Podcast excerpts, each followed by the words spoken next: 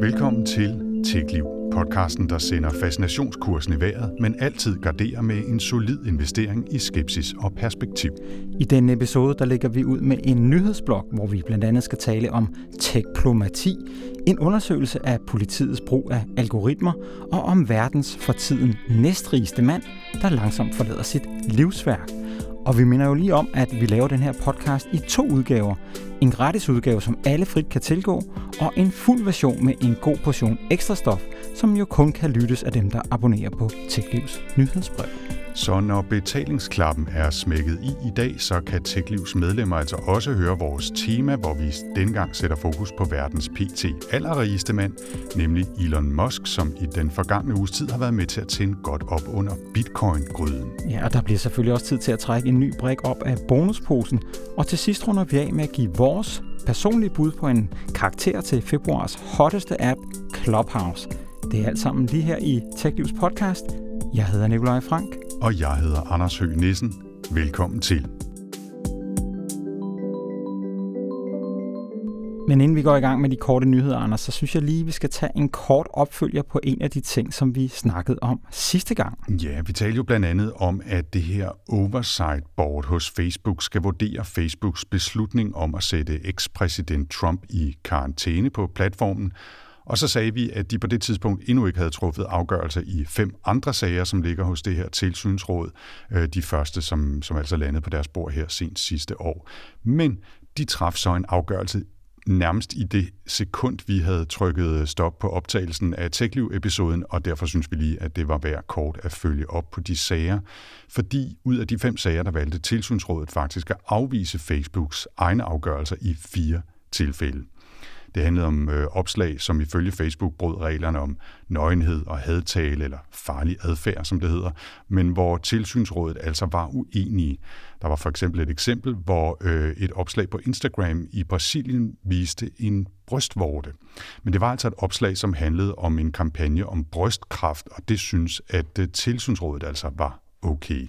De var så omvendt enige med Facebook i afgørelsen om et opslag, der udtalte sig diskriminatorisk om folk i Azerbaijan. Så Oversight-boardet er kommet i gang, men vi afventer altså fortsat deres afgørelse om Donald Trump, og den kommer så sikkert lige her i, i det øjeblik, at vi slutter optagelsen i dag. Ah, jeg tror, de har lige brug for lidt mere tid, fordi de har jo blandt andet bedt almindelige mennesker om at sende deres tanker om, om den her afgørelse ind. Og der tror jeg faktisk, der er deadline i dag, så, så jeg tror, de skal bruge lidt tid på at læse tusindvis af folks mærkelige idéer om, hvorfor Trump skal eller ikke skal have lov til at blive på Facebook igennem. Det kan være, at øh, vi følger op på den igen om 14 dage så.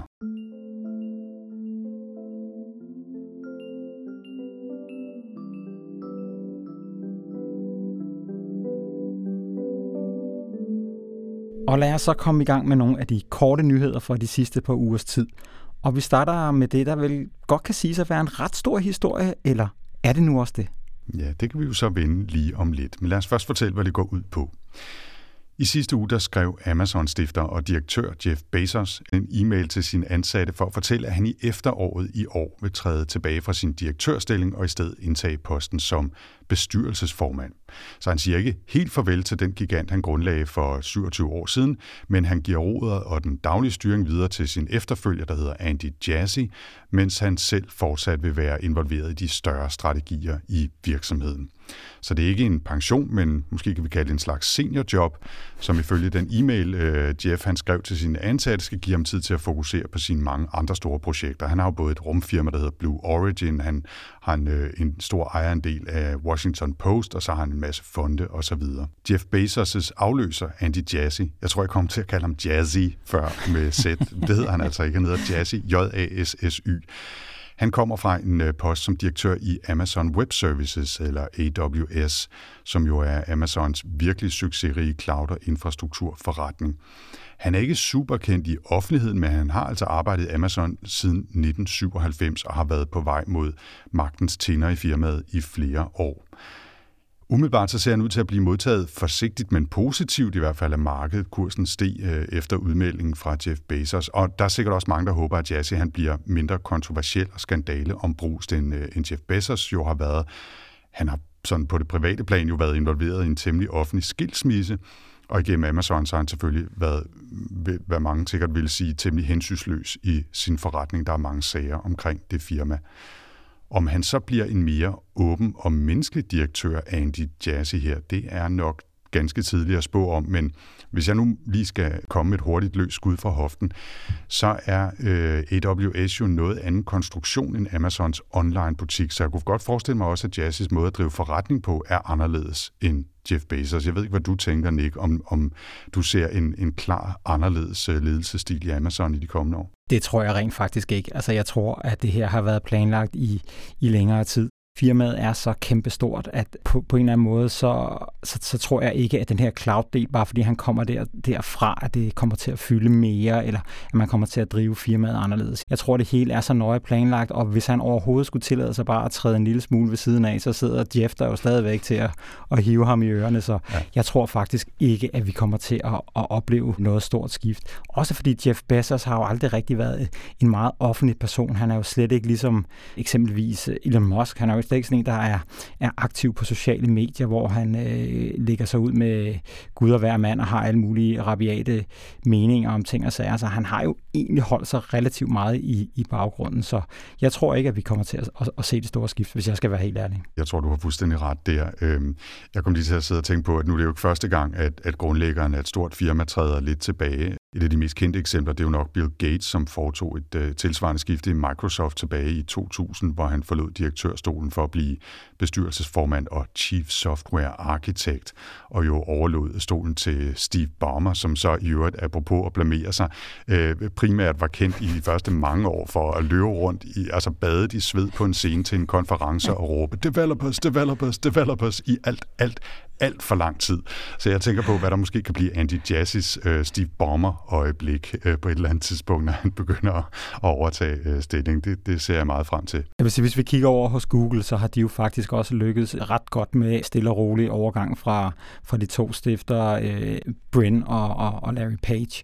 Så, så det, det tror jeg også kommer til at ske her. Og man kan også se hos Apple, selvom om så karismatisk en type som, som Steve Jobs, da han døde, altså Tim Cook har jo gjort det glimrende, altså og har kørt firmaet fra stort til gigantisk på, på de små 10 år, han har været der. Så, så jeg, jeg tror, det bliver en, en, en blød overgang. Ja, det gør det nok. Vi bliver simpelthen lige nødt til at have med, bare fordi det er sådan nogle crazy tal, ikke, At, øh, at Jeff Bezos, han er jo afhængig af den aktuelle øh, dagskurs på Amazon-aktierne. Han er god for ekstremt mange penge. Uh, i, I rundetal, så er det cirka 1200 milliarder danske kroner. 1200 milliarder danske kroner. Hvis, jeg, har, jeg har lige kigget lidt på det her, inden vi gik i gang. Hvis uh, Jeff Bezos han var et land, så vil han ligge øh, cirka nummer 50-51 på listen over GDP, øh, cirka på samme niveau som Grækenland og Irak i øvrigt. Øhm, han kunne også have betalt hele regningen for den internationale rumstation ISS, som har kostet samlet cirka 150 milliarder dollars, og han ville stadigvæk have 50 milliarder dollars tilbage, som han så kunne bruge på, hvad, hvad han havde lyst til. Og endelig så svarer øh, hans formue til cirka 65 danske minkavler erstatninger. Ja, det er mange penge, det er det. Det er mange penge. Ja. Så vender vi snuden hjem af, Anders. For Danmark har nemlig fået en ny strategi for det, som vi kalder vores teknologiske diplomati, eller techplomacy, som det hedder med et lettere tvivlsomt udtryk. Som mange sikkert vil huske, så blev Kasper Klynge både Danmarks og verdens første tech-ambassadør i 2017, og han skulle jo tale Danmarks og nationalstaternes sag i Silicon Valley og i møde med tech-giganterne. Det viste sig, ifølge Klynge selv, at være en mere en meget, meget svær opgave, og han skiftede derfor i starten af 2020 side og blev i stedet ambassadør for Microsoft, hvis sag han så nu taler særligt i EU. Men Danmark de helmer ikke, og sidste år der blev der så udpeget en ny tech-ambassadør i Anne-Marie Engtoft Larsen. Og hun har siden ansættelsen blandt andet arbejdet på at udarbejde en ny strategi, som altså netop i den her uge er blevet præsenteret af hendes chef, udenrigsminister Jeppe Kofod. Og nu skal vi jo ikke længere lægge os på hanen for Facebook, Apple og de andre tunge drenge. Nej, vi skal sætte foden ned og kræve, at de er med til at tage ansvar for samfundet og demokratiet og den enkeltes ved og vel. Hør bare, hvad Jeppe Kofod siger, og Jeppe får i dag lov til at låne din stemme, Anders. Okay, jeg tror, han skal betale gebyr af en eller anden slags, men, men her er i hvert fald, hvad han skriver i øh, strategien i foråret. For mig er det ikke et spørgsmål, om tech-industrien skal reguleres, men hvordan. Vi skal sikre, at teknologien understøtter vores demokrati frem for at undergrave det. Vi har overladt vigtige dele af vores infrastruktur og samfundsdebat til tech-giganternes luner og for godt befindende. Det går ikke. Det har tech-verdenen også fået øje for, og flere efterspørger regulering, skriver altså Jeppe Kofod blandt andet i sit forord til strategien. Ja, og Anders Jeppe, du, du får lige lov til at tage en til her. Okay. Det skal være folkevalgte parlamenter og regeringer, der regulerer teknologiudviklingen ud fra demokratiets præmisser. Men sådan er det ikke nødvendigvis i dag, og det må vi gribe ind overfor. Og det kan man så mene bare er floskler og spil for galleriet, og man kan nok også med rette sætte spørgsmålstegn ved den vægt, som en dansk teknomat har i Silicon Valley. Men det er vel i grunden ret fint, at vi nu officielt får justeret sådan rimelig kraftigt på vores tech-ambassadørs mission og får sat nogle ord på den linje, som vi gerne vil ligge fremover. Hvad siger du, Anders? Jeg øh, synes, at det er fint, at man markerer, og ja, så kan man kritisere det for at være alt for bredt og fluffy, og som du sagde, hvor meget vægt har Anne-Marie, dygtig som hun end er øh, derovre i Silicon Valley og i Beijing i øvrigt også, hvor hun skal markere sig, og hvorfor er hun i øvrigt ikke også på en lille ambassade i Bruxelles, kunne man spørge. Alt det er, er fin og vigtig kritik, men jeg synes faktisk, det er ret fint også, at man lige markerer og sætter nogle øh, stolper i jorden, som man mener er vigtige. Og nogle af de stolper er jo, skriver de også i, i strategien, som vi øvrigt øh, linker til fra vores show notes. Det er samfundsansvar. Tech-giganterne skal leve op til øh, deres del af samfundskontrakten. Så handler det meget om demokrati, som vi også sagde her i citaterne kæmpe for, at globale digitale spilleregler tager udgangspunkt i demokratiske værdier og menneskerettigheder, og så tryghed. Altså at Danmark vil kæmpe for, at teknologien understøtter Danmark og danskernes øh, tryghed og sikkerhed. Ja, og vi har også skrevet om det i torsdagens nyhedsbrev, så der er faktisk også et link til rapporten der. Og så skal vi høre om et nyt treårigt forskningsprojekt her i Danmark, som skal undersøge politiets brug af ansigtsgenkendelse og andre former for kunstigt intelligente systemer i deres efterforskning. Projektet har fået navnet Critical Understanding of Predictive Policing, eller CUPP, og er forankret på IT-universitetet her i København, men har også deltagelse af fem andre universiteter fra Norden, Baltikum og Storbritannien, og af fagforeningen PROSA. I projektets formulering der fremgår det, at man på trods af meget omtale i både medierne og diskussionerne i juridiske og akademiske kredse faktisk ikke ved ret meget om, hvad den øgede digitalisering og automatisering i opklaringsarbejdet betyder i praksis hos politiet. Forskerne kalder debatten for spekulativ og fremhæver, at vi ved meget lidt om, for eksempel hvordan store datamængder bliver adopteret og tilpasset i politiets arbejde. Og så udfordrer den stigende brug af dataanalyse i retshåndhævelsen vores øh, rettigheder som borgere, lyder det også fra forskergruppen.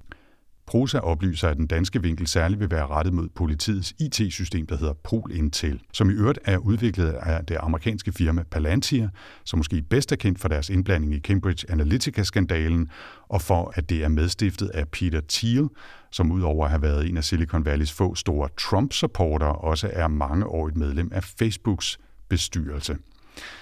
Det Palantir-udviklede system kan ifølge Prosa samkøre information fra politirapporter og anmeldelser af kriminalitet fra politiets egne databaser med eksterne kilder og derudover bruges kunstig intelligens og data fra sociale medier til at komme med forudsigelser om, hvem der har størst sandsynlighed for at begå kriminalitet. Det er altså et, et vigtigt og for så vidt også ganske farligt system her, og i øvrigt noget, som man både taler om som intelligence-led policing, eller som øh, forskningsprojektets titel siger, predictive policing, altså en slags profetpoliti med teknologiens hjælp. Ja, nu er det jo et forskningsprojekt, så det er svært at sige, hvad der kommer ud af det, men, øh, men det er faktisk øh, interessant nok, at man kigger på det, fordi det er sådan noget, der, der foregår lidt i det hemmelige og det skjulte, og, og det er svært helt at, at få et overblik over, hvad det, hvordan politiet egentlig bruger øh, algoritmer, fordi det er jo altså potentielt rimelig kritisk, hvis øh, vi har set det for eksempel med ansigtsgenkendelse, at, at der er nogle store problemer, når man bruger systemer, der simpelthen ikke er gode nok, og hvor at,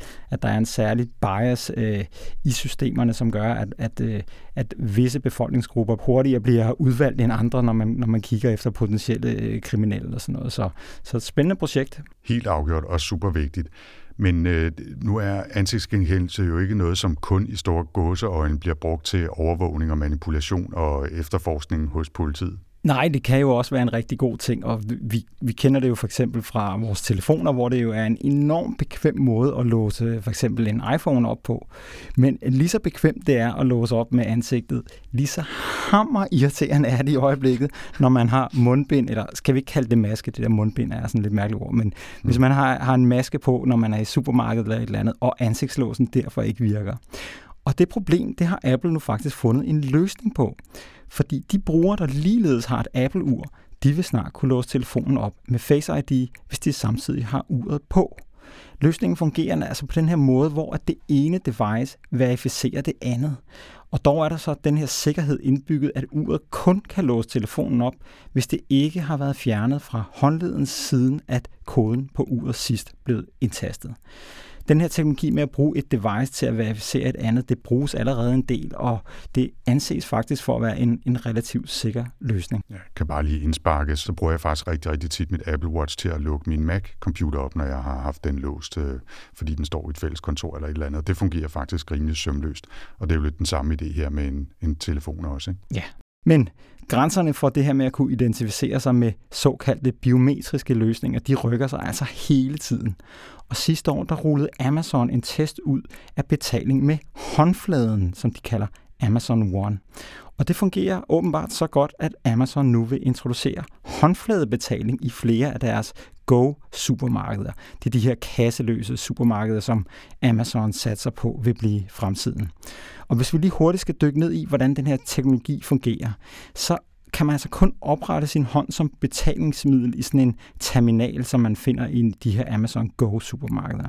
Man scanner simpelthen sin hånd, og så kobler man den sammen med sit kreditkort og sit telefonnummer. Og herefter kan man bare betale med sin håndflade. Dog er der privatlivsproblemer i den her teknologi. Fordi i modsætning til for eksempel det her med at låse telefonen op med ansigtet eller med tommelfingeren, hvor scanningen er gemt sådan lokalt på din telefon i sådan en helt sikker enklave, og aldrig nogensinde forlader telefonen og ikke ender i skyen, så kræver den her håndfladebetaling, at Amazon jo kan matche dit unikke mønster i hånden med et scan af din håndflade. Og det er gemt på Amazons server. Og derudover, så er den eneste måde, hvor man ligesom kan sætte detaljer om sine transaktioner, det er, hvis man har koblet sin, sin håndflade løsning her sammen med sin Amazon-konto. Så du er i hvert fald alt andet end anonym, hvis du bruger Amazons den her håndfladebetaling. Amazon sigter i øvrigt på, at de kan sælge den her håndfladebetalingsløsning til andre øh, butikker mm. på sigt. Øh, nu må vi se, hvordan det udvikler sig, men det, det virker i hvert fald til, at det virker, siden at de nu begynder at rulle det mere bredt ud. Men det er stadigvæk øh, relativt få supermarkeder, ikke? Hvor, man, hvor man kan bruge det. Jeg skulle sige, det er ikke mere end en håndfuld. Det er meget småt, men altså et eller andet sted, Anders, så er det jo helt vildt, at man kan gå ind i et supermarked. Vi snakker om de her kasseløse supermarkeder. Du scanner din håndflade på vej ind i supermarkedet.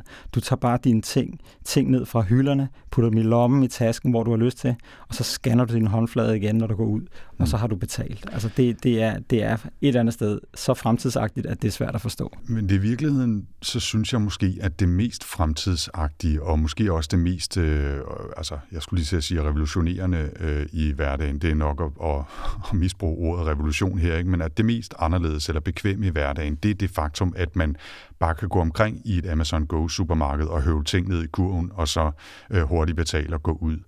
Fordi jeg ved, altså selvfølgelig jo, så er det nemmere måske lige at scanne sin håndflade på vej ud, men det er ikke super meget hurtigere og nemmere, end bare lige hurtigt at holde kortet over en læser og gå, eller øh, hvad hedder det, scanne en kode på telefonen og gå. Og, og hvis det er den pris, jeg skal betale, altså de der 10 sekunder, det tager ekstra at betale på den måde, frem for at lægge min, en scanning af min håndflade hos Amazon, så gør jeg gerne det. Men jeg vil gerne have et supermarked, hvor jeg bare kan gå og smide ting ned i en kur og gå. Øh, jeg bruger øh, allerede de her sådan lidt scan-and-go-agtige løsninger, som man kan bruge i flere danske supermarkeder. Ikke? Men, men det er sådan lidt besværligt at gå rundt med telefonen i den ene hånd og varen i den anden, og lige skulle scanne kur, øh, hvad hedder det, varen, før man lægger dem ned i sin kur eller pose. Og, jeg står altid og balancerer lidt og er bange for at smide, smide min telefon ned i frostdisken. Ikke? Men, men, øh, men, men altså, jeg synes faktisk, at ideen om at gøre det er, er tiltalende. Jeg er bare ikke sikker på, at jeg har lyst til at gemme min håndflade, især ikke hos Amazon. Nej, nej, men altså, jeg vil også sige, hvis vi lige lægger de her privatlivsudfordringer til side, så hvis, hvis du har været til en øh, koncert eller en fodboldkamp, hvor der skal mange, mange tusind mennesker ind igennem, så ved du altså godt, at det vil være ret meget nemmere, hvis folk bare kunne bruge deres håndflade frem, hvor de står og roder rundt med printet papir mobiler og telefoner, og man skal zoome ind på den der kode, fordi ellers kan læseren ikke se det og alt sådan noget der. Så det er en spændende fremtid, vi går i møde her.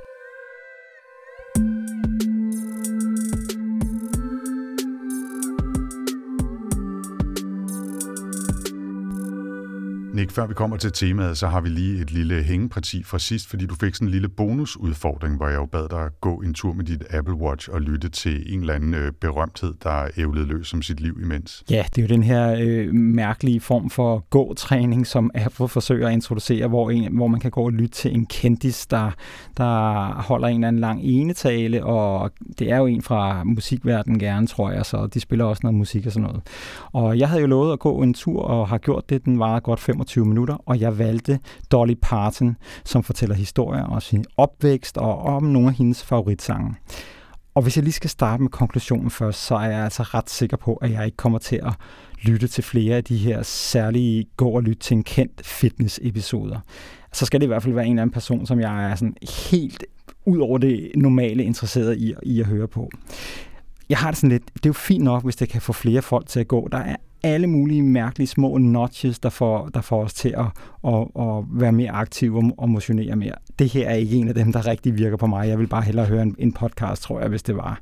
Men, øh, men, men det, var sådan set, det var sådan set okay hyggeligt, altså, fordi hun er jo blevet en øh, ældre dame. Jeg tror, hun er blevet 75. Ja, hun er lige fyldt 75. Og, øh, og hun fortalte om sin, om sin opvækst og, øh, og om nogle af hendes favoritsange, og hvordan de faktisk var koblet ret meget sammen. Og det var egentlig meget sjovt at høre. Hun er jo mega amerikansk, og Jesus og sådan noget skal jo også blandes lidt ind i det, men, men at høre om, at, at hun havde 11 andre søskende, og hendes øh, forældre, fra de, var, øh, de blev gift, da de var 15 og 17, og da de var 35 og 37, havde de altså 12 børn, øh, og er vokset op i meget fattige kår, og hvordan det faktisk øh, også er en, en, en helt integreret del i nogle af de sange, som er hendes egne favoritsange, det der, der handler om, om, om de vigtige værdier øh, i hendes liv, selvom hun er mange, mange millionær i dollars, så det, det, det, det nære og det familiære, det, det at, vi, at vi hjælper hinanden, det er det, der, der gør, at man er rig og ikke, og ikke penge. Det synes jeg egentlig var, var meget sjovt, men det var også, du ved, øh, der var ikke et øje tørt, og violinerne spillede og, og sådan noget. Så.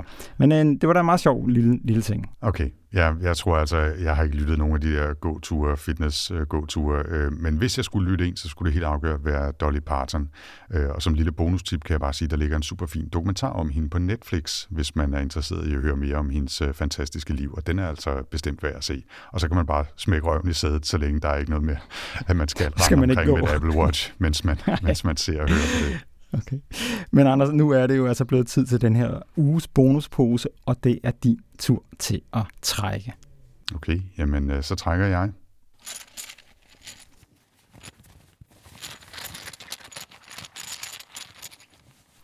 Og jeg har trukket en brik, kan jeg se, hvor der står klog på 60 sekunder, og hvad er det lige, det går ud på, Nick? Jamen, det betyder, at du på bare 60 sekunder skal forklare en aktuel og rimelig kompliceret tech-historie helt kort. Og mm-hmm. det er jo altså ikke ret nemt. Og af selv samme grund, der har jeg altså også valgt en historie, som jeg ved, at du er nogenlunde godt hjemme i, fordi ellers så, så vil det være lidt urimeligt. Ikke? Øhm, og den historie, som du skal fortælle om, det er hele den her ballade med, med GameStop-aktien, og hvordan øh, Reddit var involveret, og en app, der hedder Robinhood, og ja, sådan noget i, i den dur der. Ikke? Og du har du har nu 60 sekunder til at prøve at forklare det lidt federe, end, end jeg lige gjorde. Ikke? Alright. Og din tid, den starter nu. Okay. Det handler om, at en flok finansnørder på Reddit for det første synes, at spilbutikken GameStops aktier var vurderet for lavt, eller de synes i hvert fald, det var forkert, at flere fonde spekulerede i, at aktien var for høj og derfor ville falde, og så ville de gerne give spekulanterne på Wall Street en læresteg. Og så var de altså lige præcis ude efter de her investorer, som havde satset på, at GameStop-aktierne ville falde endnu mere, fordi så ville de tjene penge. Det er det, der hedder shorte en aktie. Så Reddit-folkene, de satte sig for at drive kursen i vejret, og det lykkedes så over al forventning fra at have ligget ned omkring 35-40 dollars, så bankede GameStop-kursen op over 400 dollars, tror jeg, i hvert fald for en kort stund. Det kostede nogle fonde en hel masse penge, mens andre blev rige, herunder nogle af de oprindelige Reddit-aktivister. Nu kan jeg mærke, at øh, tiden er ved at være gået. Det er frygteligt. Men der var lige så mange, der sprang fra og tjente øh, hvad det, for sent, og, og derfor fik et stort smæk. Og lige nu så er kursen nede på 45-50 dollars igen. Ja, nu er, nu er den lige ved at være der, men jeg fortsætter altså, der, fordi nu skal vi have, lige have det sidste af historien med. Ikke? Der, der gik tiden, men vi skal ja, okay. have resten af historien ja. med. Okay, så trækker vejret. I kølvandet på kurssvingninger, så var der også en del ballade om den investeringsapp, der hedder Robinhood, som måtte lukke for nye investeringer, fordi firmaet manglede dækningskapital, og det gav sig også anledning til en masse klager ud over alt den generelle ballade om en kurs, der steg og faldt så hurtigt. Så nu er det alt sammen stort set vendt tilbage til normalen, og var derfor, måske kunne man sige, et, en storm i et glas vand, men det har nok rystet trods alt en del etablerede investorer og aktiespekulanter i deres grundvalg, Grønvold hedder det. Så det blev ah, halvandet minut, men det var også en stor sag. Ja, det var en stor sag.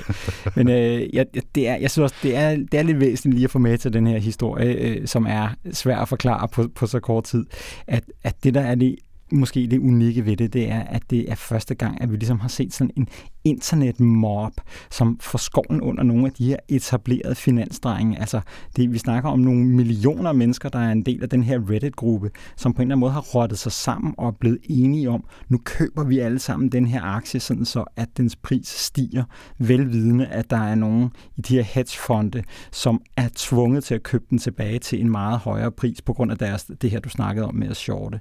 Så, så, så det, det er meget interessant at se, hvordan masserne på en eller anden måde via nettet og, øh, har, har organiseret sig og ligesom har, har hævet tæppet væk under et, et etableret finanssystem, som nogle gange heller ikke er specielt rent i kanten. Ja. Men altså en, en kompliceret historie med mange aspekter og mange øh, ting for og imod alt muligt, men spændende og en interessant udfordring at skulle prøve at genfortælle den helt, som der er skrevet. Altså jeg ved ikke, hvor mange milliarder øh, spaltemillimeter om de sidste 14 dage, jeg lige skulle høvle den af på 60 sekunder. Det lykkedes heller ikke helt, men 90, 90 sekunder, lad os sige det. Ja, det var et godt forsøg, helt sikkert. Tak.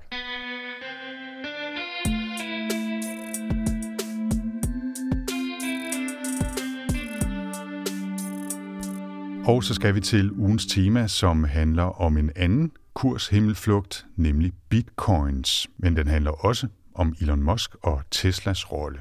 Faktisk så startede hele misæren på det nye sociale lydmedie, der hedder Clubhouse, som vi øvrigt skal snakke lidt mere om om lidt, hvor Elon Musk for 10 dage tid siden gav sit besøg med om bitcoin og sagde, på nuværende tidspunkt er bitcoin en god ting. Jeg er tilhænger. Jeg kommer se til festen, men jeg er tilhænger. Ja, og selvom han altså gav udtryk for, at, at han så muligheder i bitcoin, så var der altså ikke nogen, der på det her tidspunkt vidste, at han mente det noget mere konkret, end han gav udtryk for her.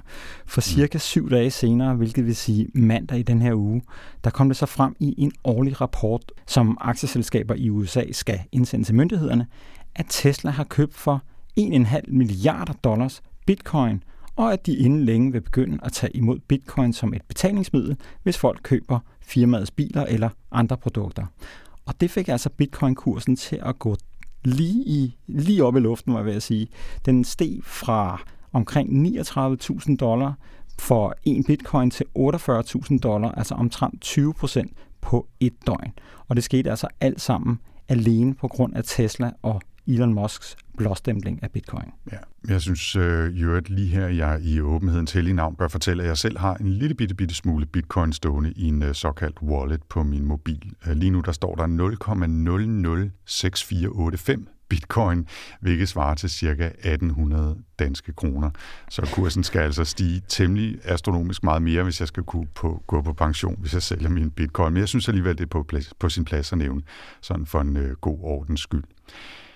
Vi vender tilbage til bitcoin og hvorfor den efter tre års hvile pludselig er steget rigtig meget mere de sidste tre måneder. Ikke kun på grund af Elon Musk, men Nick, jeg synes først, at vi lige skal dvæle lidt ved Elon Musk, som du har kaldt en hype-maskine, fordi det er jo ikke første gang, at et eller andet, han siger eller gør på Twitter, øh, får markedet til at bevæge sig rimelig voldsomt. Nej, jeg havde faktisk tænkt på, at han måske skulle være en hype-maskine, men, øh, men jeg vil sige, at øh, jeg, jeg, jeg tror, jeg tror aldrig, at internettet har set noget lignende, det som vi ser med Elon Musk i øjeblikket, fordi når han går til tasterne på Twitter, og han skriver altså gerne tweets, hvor der enten er to eller tre ord i, så får det altså bare masserne til at følge hans ord, som var det lov.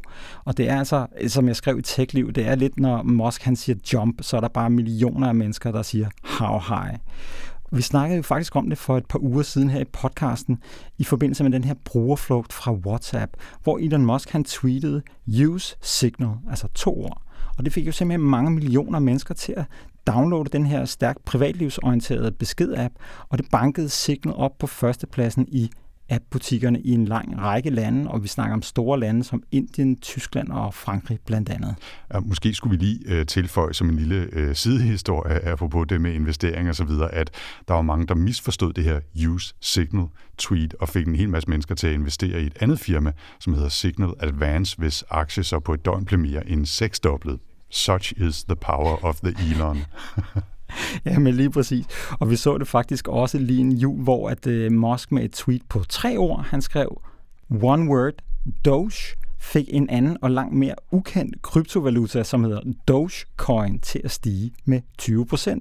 Og han gentog faktisk bedriften i sidste uge, hvor han igen hypede den her helt ukendte kryptovaluta, som steg yderligere 50 procent.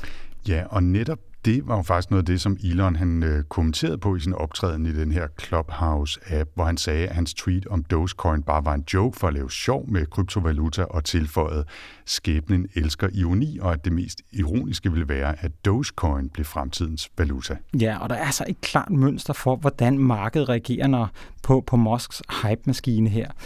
Allerede tilbage i 2018, der øh, skrev Musk jo også på Twitter, at han overvejede at tage Tesla af børsen og gøre selskabet privat, og at han havde sikret sig finansiering til det, og han nævnte endda, hvad købsprisen på en aktie ville være. Og det tweet, det fik bare Tesla-aktien til at stige, og det kostede altså også Musk en, øh, en sag på halsen for de amerikanske myndigheder for bevidst at forsøge at manipulere Teslas aktiekurs.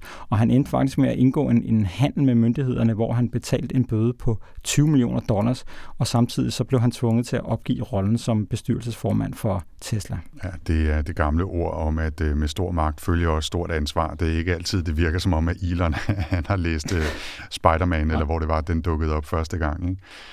Men det er jo lidt det samme, som vi har set den seneste måneds tid, hvor først Hyundai og Kias aktie steg ret markant, fordi det blev meldt ud af Hyundai, at de snakkede med Apple om en mulig aftale om produktion af en Apple-bil, hvilket så fik øh, det sydkoreanske bilmærkes, øh, eller bilmærkernes øh, aktie til at, at skyde i vejret. Så meldte de sig ud tidligere på den her uge, at de ikke længere talte med Apple, og så mistede de to firmaer så godt 50 milliarder kroner i værdi selvfølgelig en del af den værdi, der var kommet, fordi de sagde, at de havde snakket med Apple, men alligevel 50 milliarder øh, kroner, det er dog immer væk en slat penge. Men det var øh, lidt en omvej. Vi skal tilbage til bitcoin og lidt mere af baggrunden om, hvordan det kan være, at kryptovalutaen er steget så meget, som den er også før Øh, Elon han begyndte at tweete om. Ja, altså nu er det jo ikke nemt sådan at sige sådan helt præcis, hvorfor noget så random som en, en valuta, som man stort set ikke kan bruge til noget, hvorfor den falder og stiger. Men der er alligevel et par bevægelser sådan over det seneste halve års tid, som, som kan have spillet ind. Den 20. oktober sidste år, der oplyste PayPal, som Elon Musk jo faktisk i tidernes morgen var med til at stifte, at de vil gøre det muligt at købe og sælge kryptovalutaer og introducere dem som betalingsmiddel. Og dengang der sagde PayPals chef, som hedder Dan Schulman, han sagde, at skiftet til digitale former for valutaer er uundgåeligt, hvilket medfører klare fordele med hensyn til økonomisk inklusion og adgang, effektivitet, hastighed og modstandsdygtighed i betalingssystemet.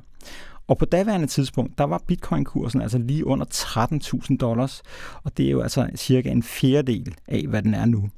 Og siden der gik det sådan stødt op, og på kanten mellem november og december, der satte bitcoin så en ny rekord, sådan en ny all-time rekord, da værdien på en bitcoin ramte 19.900 dollars. Og det er altså det højeste, den har været på siden årsskiftet omkring 2017-2018, så cirka tre år. Dengang der gav cheføkonom hos firmaet Chainalysis, som hedder Philip Gradwell. Han, det er sådan en firma, der analyserer bevægelser af kryptovalutaer. Han sagde til New York Times, at det er en helt anden type mennesker, som er begyndt at købe bitcoin nu. Det de ser, det er, at der er handler i mere stabile mængder over længere perioder, og at de her nye investorer, de trækker pengene ud fra børserne og, og holder dem som en investering. Og samtidig så er der også sket det sådan sidste sommer, at de amerikanske banker har fået lov til at opbevare kryptovaluta for kunderne. Så det man ligesom ser, det er, at accepten af digitale valutaer sniger sig ind, sikkert men langsomt ind i selv de mest etablerede institutioner. Og det var faktisk også noget, som Musk han øh, gentog i det her Clubhouse-interview, hvor han siger, at det er tydeligt at se, at bitcoin er ved at blive bredt accepteret af den finansielle verden. Ja, øh, og som vi også talte om lige før i forbindelse med GameStop og Robinhood, øh, så skal man heller ikke underkende, at der også bare er generelt øh, risikovillig investeringstrang rundt omkring, ikke? og mange folk er, er parat til at satse deres sparepenge og deres pensioner og alt muligt andet, for eksempel ved at købe bitcoin i håbet om at få en, en hurtig, stor gevinst. Men spørgsmålet, som mange øh, stiller sig, og det kan vi så også gøre herinde i TechLiv-podcasten, øh, det er selvfølgelig, om det er endnu en boble, eller om vi har set starten på et nyt øh, eventyr, eller måske snarere en ny, øh, stabil, høj kurs for, for bitcoins. Altså, der er jo ikke nogen, der kender svaret. Det er jo, det er jo som øh, så meget andet, øh, også aktier og sådan noget, det, det kan man jo analysere, som man vil. Men altså, der er i hvert fald flere folk, øh, vil at mærke, pro-bitcoin-folk, der er omkring øh, det her, da, da den nåede sin, sin nye højde der omkring december måned, som gik ud og, og sagde, at de mente, at det ikke ville være under dem, hvis den passerer 100.000 dollars her i løbet af 2021. Og faktisk havde de nogle optimistiske bud på, at den kunne nå helt op omkring 300.000 dollars dollars. Men altså, man skal også bare huske på, at øh, det, der tit er kommet efter store bitcoin-opture, det er, at lige pludselig så sejler det nedad igen på den, på den anden side. Men bare lige for at sætte det hele i relief, hvis du sidder derude og tænker, ja, ja, men hvad er det for noget det her bitcoin? Bitcoin har en værdi på 860 milliarder dollars. Det vil sige, der er investeret flere penge i bitcoins end værdien af Tesla og værdien af Facebook. Så det er altså voldsomme mængder af, af penge, der er smidt i bitcoin, og alene af den grund, der er der jo altså mange interesser i at, at holde det kørende, kan man sige. Ja, men øh, så er det desværre også penge, der jo kan forsvinde igen hurtigt, hvad, hvad tidligere øh, kurssving har vist. Ikke? Øh, og der er, men, men, men uanset hvad, så er der næppe tvivl om, at øh, kryptovalutaer kommer til at spille en stor rolle i, i fremtiden, både i, i de finansielle verdener, i handler og måske øh, med tiden også i hverdagen. Det er bare ikke sikkert, at det bliver hverken øh, Bitcoin eller Dogecoin eller Ethereum, som en tredje øh, valuta hedder. Men, men jeg tror i hvert fald, at der er en, en lys fremtid for digitale valutaer og også de hemmelige kryptovalutaer.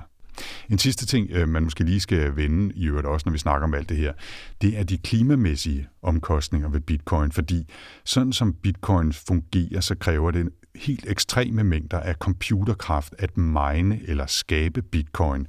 Og når kursen stiger, så er der flere, der bliver interesseret i at skabe nye bitcoin, og det kræver så endnu flere beregninger osv som uh, The Verge skriver, at hvis bitcoin var et land, så vil det årlige elforbrug placere det som nummer 30 på listen over de mest strømforbrugende lande i hele verden, sådan omkring Norge og Argentina i øvrigt.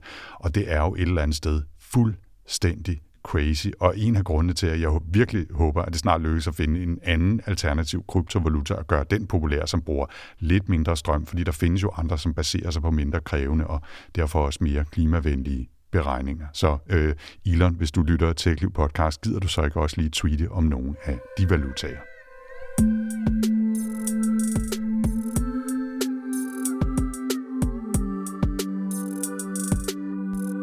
Anders, vi skal slutte med at tale om ugens absolut mest hypede app, den der hedder Clubhouse.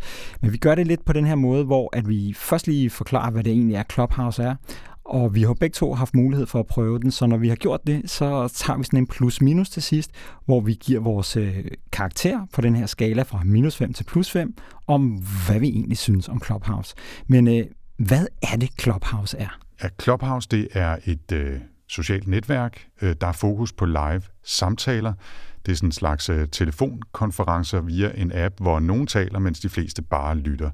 Jeg har prøvet at beskrive lidt som mellemting mellem Twitter, øh, radioprogrammer, hvor lytterne kan ringe ind, og så livestream på Twitch, bare med lyd. Lige nu så handler det rimelig meget om, hvad er Clubhouse, og hvad kan vi bruge det til, hvis man lytter med på nogle af de her Clubhouse-telefonsamtaler, og der er sjældent særlig mange med på de enkelte sessioner, i hvert fald ikke herhjemme. Og de her enkelte sessioner, de hedder et rooms, altså rum.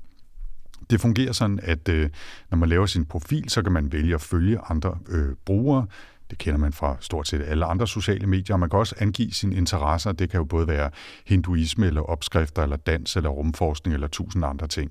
Så kan man også vælge at slå notifikationer til, så man får at vide, når der er relevante rum med samtaler, som, øh, som er spændende, eller ligger inden for de her emner, man har valgt, eller om ens kontakter øh, skal til at starte et rum, eller hvornår de har sagt, de vil gøre det.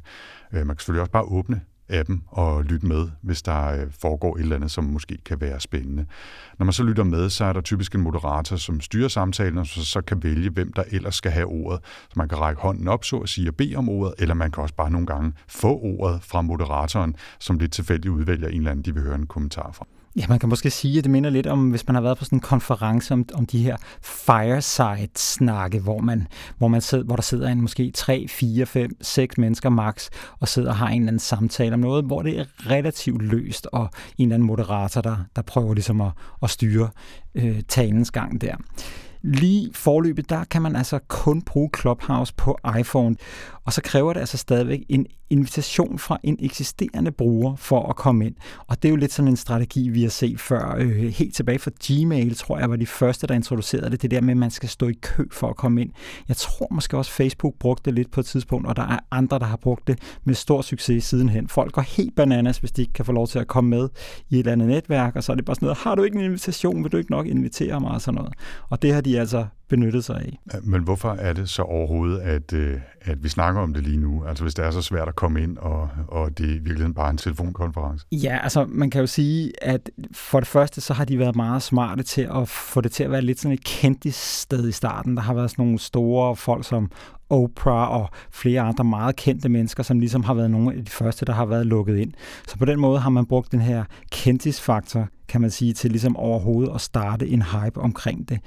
Og så kan man sige, at det, der for alvor fik det til at gå helt amok her de sidste øh, 10 dages tid, det har jo været, at Elon Musk, som vi snakkede om, var inde og være gæst og snakke om, om, om de her bitcoin og GameStop og sådan noget, som, som gjorde, at medierne ligesom samlede op på det, og så begyndte øh, overskrifterne først at rulle, og så har folk jo flokkes til, til Clubhouse-siden der. Og det har altså fået brugerantallet til at stige ret voldsomt her på det seneste. Det seneste tal, jeg har set, der skulle være omkring 3 millioner brugere på på Clubhouse, og ud af dem, der er den sidste million kommet til i løbet af de sidste 10 dage. Men, men ikke, vi har begge to fået adgang, og vi har prøvet lidt. Jeg har ikke prøvet super meget, men altså, øh, vi, vi tænkte, at vi øh, skulle diskutere det her, og så altså også, som du nævnte i starten, give øh, vores bud på, om det er fedt eller ej. Altså, vi kalder det plus-minus, og giver en karakter fra minus 5 til plus 5, hvor plus 5 altså er, at Clubhouse er den nye hotness blandt sociale medier, mens minus 5 betyder, at det er ligegyldigt telefonfis med venturekapitalister. Ikke? Så synes jeg, du skal have lov til at lægge ud her. okay. Øh, hvis jeg skal lægge ud, så er jeg øh, lidt sur for en sikkerheds skyld, tror jeg. Så jeg giver Clubhouse minus 3. Men altså, det skal understreges, at jeg kun har lyttet med i et par minutter på måske 3-4 forskellige rum, og jeg i forvejen heller ikke er den super store bruger af sociale medier, så det her skal nok tages med et vist forbehold for mine personlige præferencer. Ikke? Men jeg kan godt se, altså hvis jeg skal være en lille smule positiv, så er der nogle interessante tanker og muligheder i det her. For eksempel sammenlignet med Twitter, fordi der er lyd på, og der er samtaler og nærvær den vej igennem. Øh, man er ikke helt så begrænset af de 280 tegn osv. Øh, og det har også noget forskelligt sammenlignet med podcast, hvor Clubhouse jo er mere inkluderende, fordi flere kan være med. Det har den der live-fornemmelse og umiddelbarhed, og man kan nemmere give ord til lytterne osv. Men, men det, jeg har nået at høre nu, synes jeg har været ufokuseret og rodet og ligegyldigt, og selvom det er fint, at alle kan være med, så betyder det der løse live-format også bare, at det bliver rodet, og hvis man i virkeligheden gerne vil lytte på nogle kloge hoveder, eller nogle bestemte værter, eller eksperter, eller udvalgte gæster, så er det måske også lidt irriterende, at, at folk, der lytter med, og kan være totalt, øh, altså sådan nogen som mig, totalt random et eller andet sted fra, pludselig får lov til at få ordet og sidde og ævle bævle. Ikke? Så det synes jeg er irriterende, og, og det, jeg tror ikke, det bliver særlig stort øh, uden for en lille lukket kreds. Det kan så sagtens være, at jeg er blevet til at æde mine ord om nogle måneder, når Clubhouse finder en bedre stil, eller øh, det begynder at blive mere udbredt, at, at journalister og andre bruger det som et supplerende format til deres øh, artikler eller blogs, eller hvad det er. Men altså, lige nu, så kan jeg ikke snige mig meget længere op end på en minus 3, måske en minus 2. Så ja, det er der, jeg er. Hvad med dig, Nick? Altså, hvis jeg, hvis jeg skal starte med karakteren, så synes jeg måske, at jeg vil lande på en øh, plus 3. Øhm, jeg vil også altså, med det samme sige, jeg tror ikke, at jeg kommer til at hænge meget ud på Clubhouse. Jeg har også lidt oplevet det samme som dig, det der med, at jeg har lige været med to minutter hist og to minutter her, og har ikke på den måde fundet noget, der har været vanvittigt spændende. Men jeg synes alligevel, at der er nogle ret spændende tanker i det. Altså det der med at, at prøve at gøre et socialt medie til lyd frem for skrift hvis vi lige kigger på selve appen, så synes jeg, at den er faktisk ret fedt designet. Den er ret simpel at finde rundt i, og i, i forhold til, at det kan lyde lidt kompliceret med, at der sidder fem og fem, seks mennesker og snakker, og nogen er bare gæster, der kan lytte med og sådan noget, så er det, så er det meget, meget let overskueligt, når man ser det. Så jeg synes, at det er designet godt. Det er faktisk super let at, at, at bruge apropos det der med, om det giver mening, så hørte jeg faktisk her i morges, mens jeg cyklede herned til studiet, hvor jeg er. Du er derhjemme, så vi er på behørig afstand af hinanden. Men øh, mm-hmm. der, der hørte jeg sådan en 5-6 personer, der snakkede om, om, om sådan noget med stress og burnout i forhold til corona og hjemmearbejde og alt sådan noget. Og det var altså ret kompetente mennesker, som, som virkelig vidste, hvad de snakkede om. Så på den måde, så, så kan man sagtens, hvis man samler de rigtige mennesker, få, få niveauet op. Så jeg kan altså godt se, at det kan, kan bruges til noget. Og jeg, jeg synes altså også, der er noget meget fedt over det der med, at man ligesom har afgrænset det, så i stedet for på Twitter eller Facebook, hvor alle kan råbe op og skrige, så har man ligesom her afgrænset det til at sige, det er de her mennesker, der snakker, og andre, de må bare øh, være med på en lytter. Så så jeg, jeg kan i hvert fald godt se, at der er nogle, øh, nogle positive ting ved det i forhold til det der med at skabe nogle communities og sådan noget, som jeg også synes er noget af det, der virker bedst på sociale medier, når der er nogle folk, der ligesom har et eller andet fælles interesseområde, som de enten er meget passionerede omkring, eller som de ved noget omkring. Og det tror jeg måske, at øh, Clubhouse kan, kan være med til der kommer helt sikkert også til at være problemer med Clubhouse. Det er der allerede noget med privatliv og konspirationsteorier og misinformationer, det, det kan de jo heller ikke undgå der. Men, øh, men jeg synes egentlig, at tanken er, er meget interessant og sådan lidt, øh, sådan lidt forfriskende. Men jeg er ikke sikker på, at det bliver et stort sus på samme måde, som, som vi har set det med de mere klassiske sociale medier. Jeg synes jo selvfølgelig også, at det er lidt spændende. Om ikke andet så er professionelle årsager også, selvom jeg ikke nødvendigvis skal se mig selv øh, begynde at bruge Clubhouse øh, virkelig meget. Også fordi det netop er de her øh, mindre fora, og ikke bare et kæmpe feed med algoritmisk kuratering, øh, og, og det betyder, at ikke alle kan være med alle steder, men til gengæld så nedbringer man også risikoen for ensretning, fordi det er en eller anden øh, overordnet kontrol, der bestemmer alt, hvad alle ser osv. Så, videre. så jeg synes, der er nogle gode tanker, og jeg synes absolut, at vi skal følge med, og så kan det jo være, at øh, vi eller jeg må øh, justere vurderingen senere, og hvem ved, måske kan det være, at der også en dag kommer et klubsnak her på TechLiv.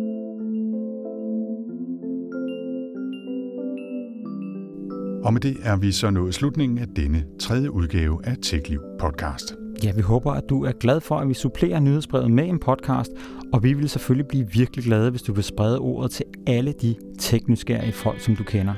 Du må altså også endelig skrive til os, hvis du har kommentarer eller spørgsmål, og du kan enten ramme os på Twitter, men du kan også bare trykke reply på et af de der nyhedsbrev, vi sender til dig, så lander det i vores indbakke. Og vi vil rigtig gerne høre, hvis I har input til ting, vi kan gøre bedre, eller anderledes, eller mere af, eller mindre af. Skriv endelig.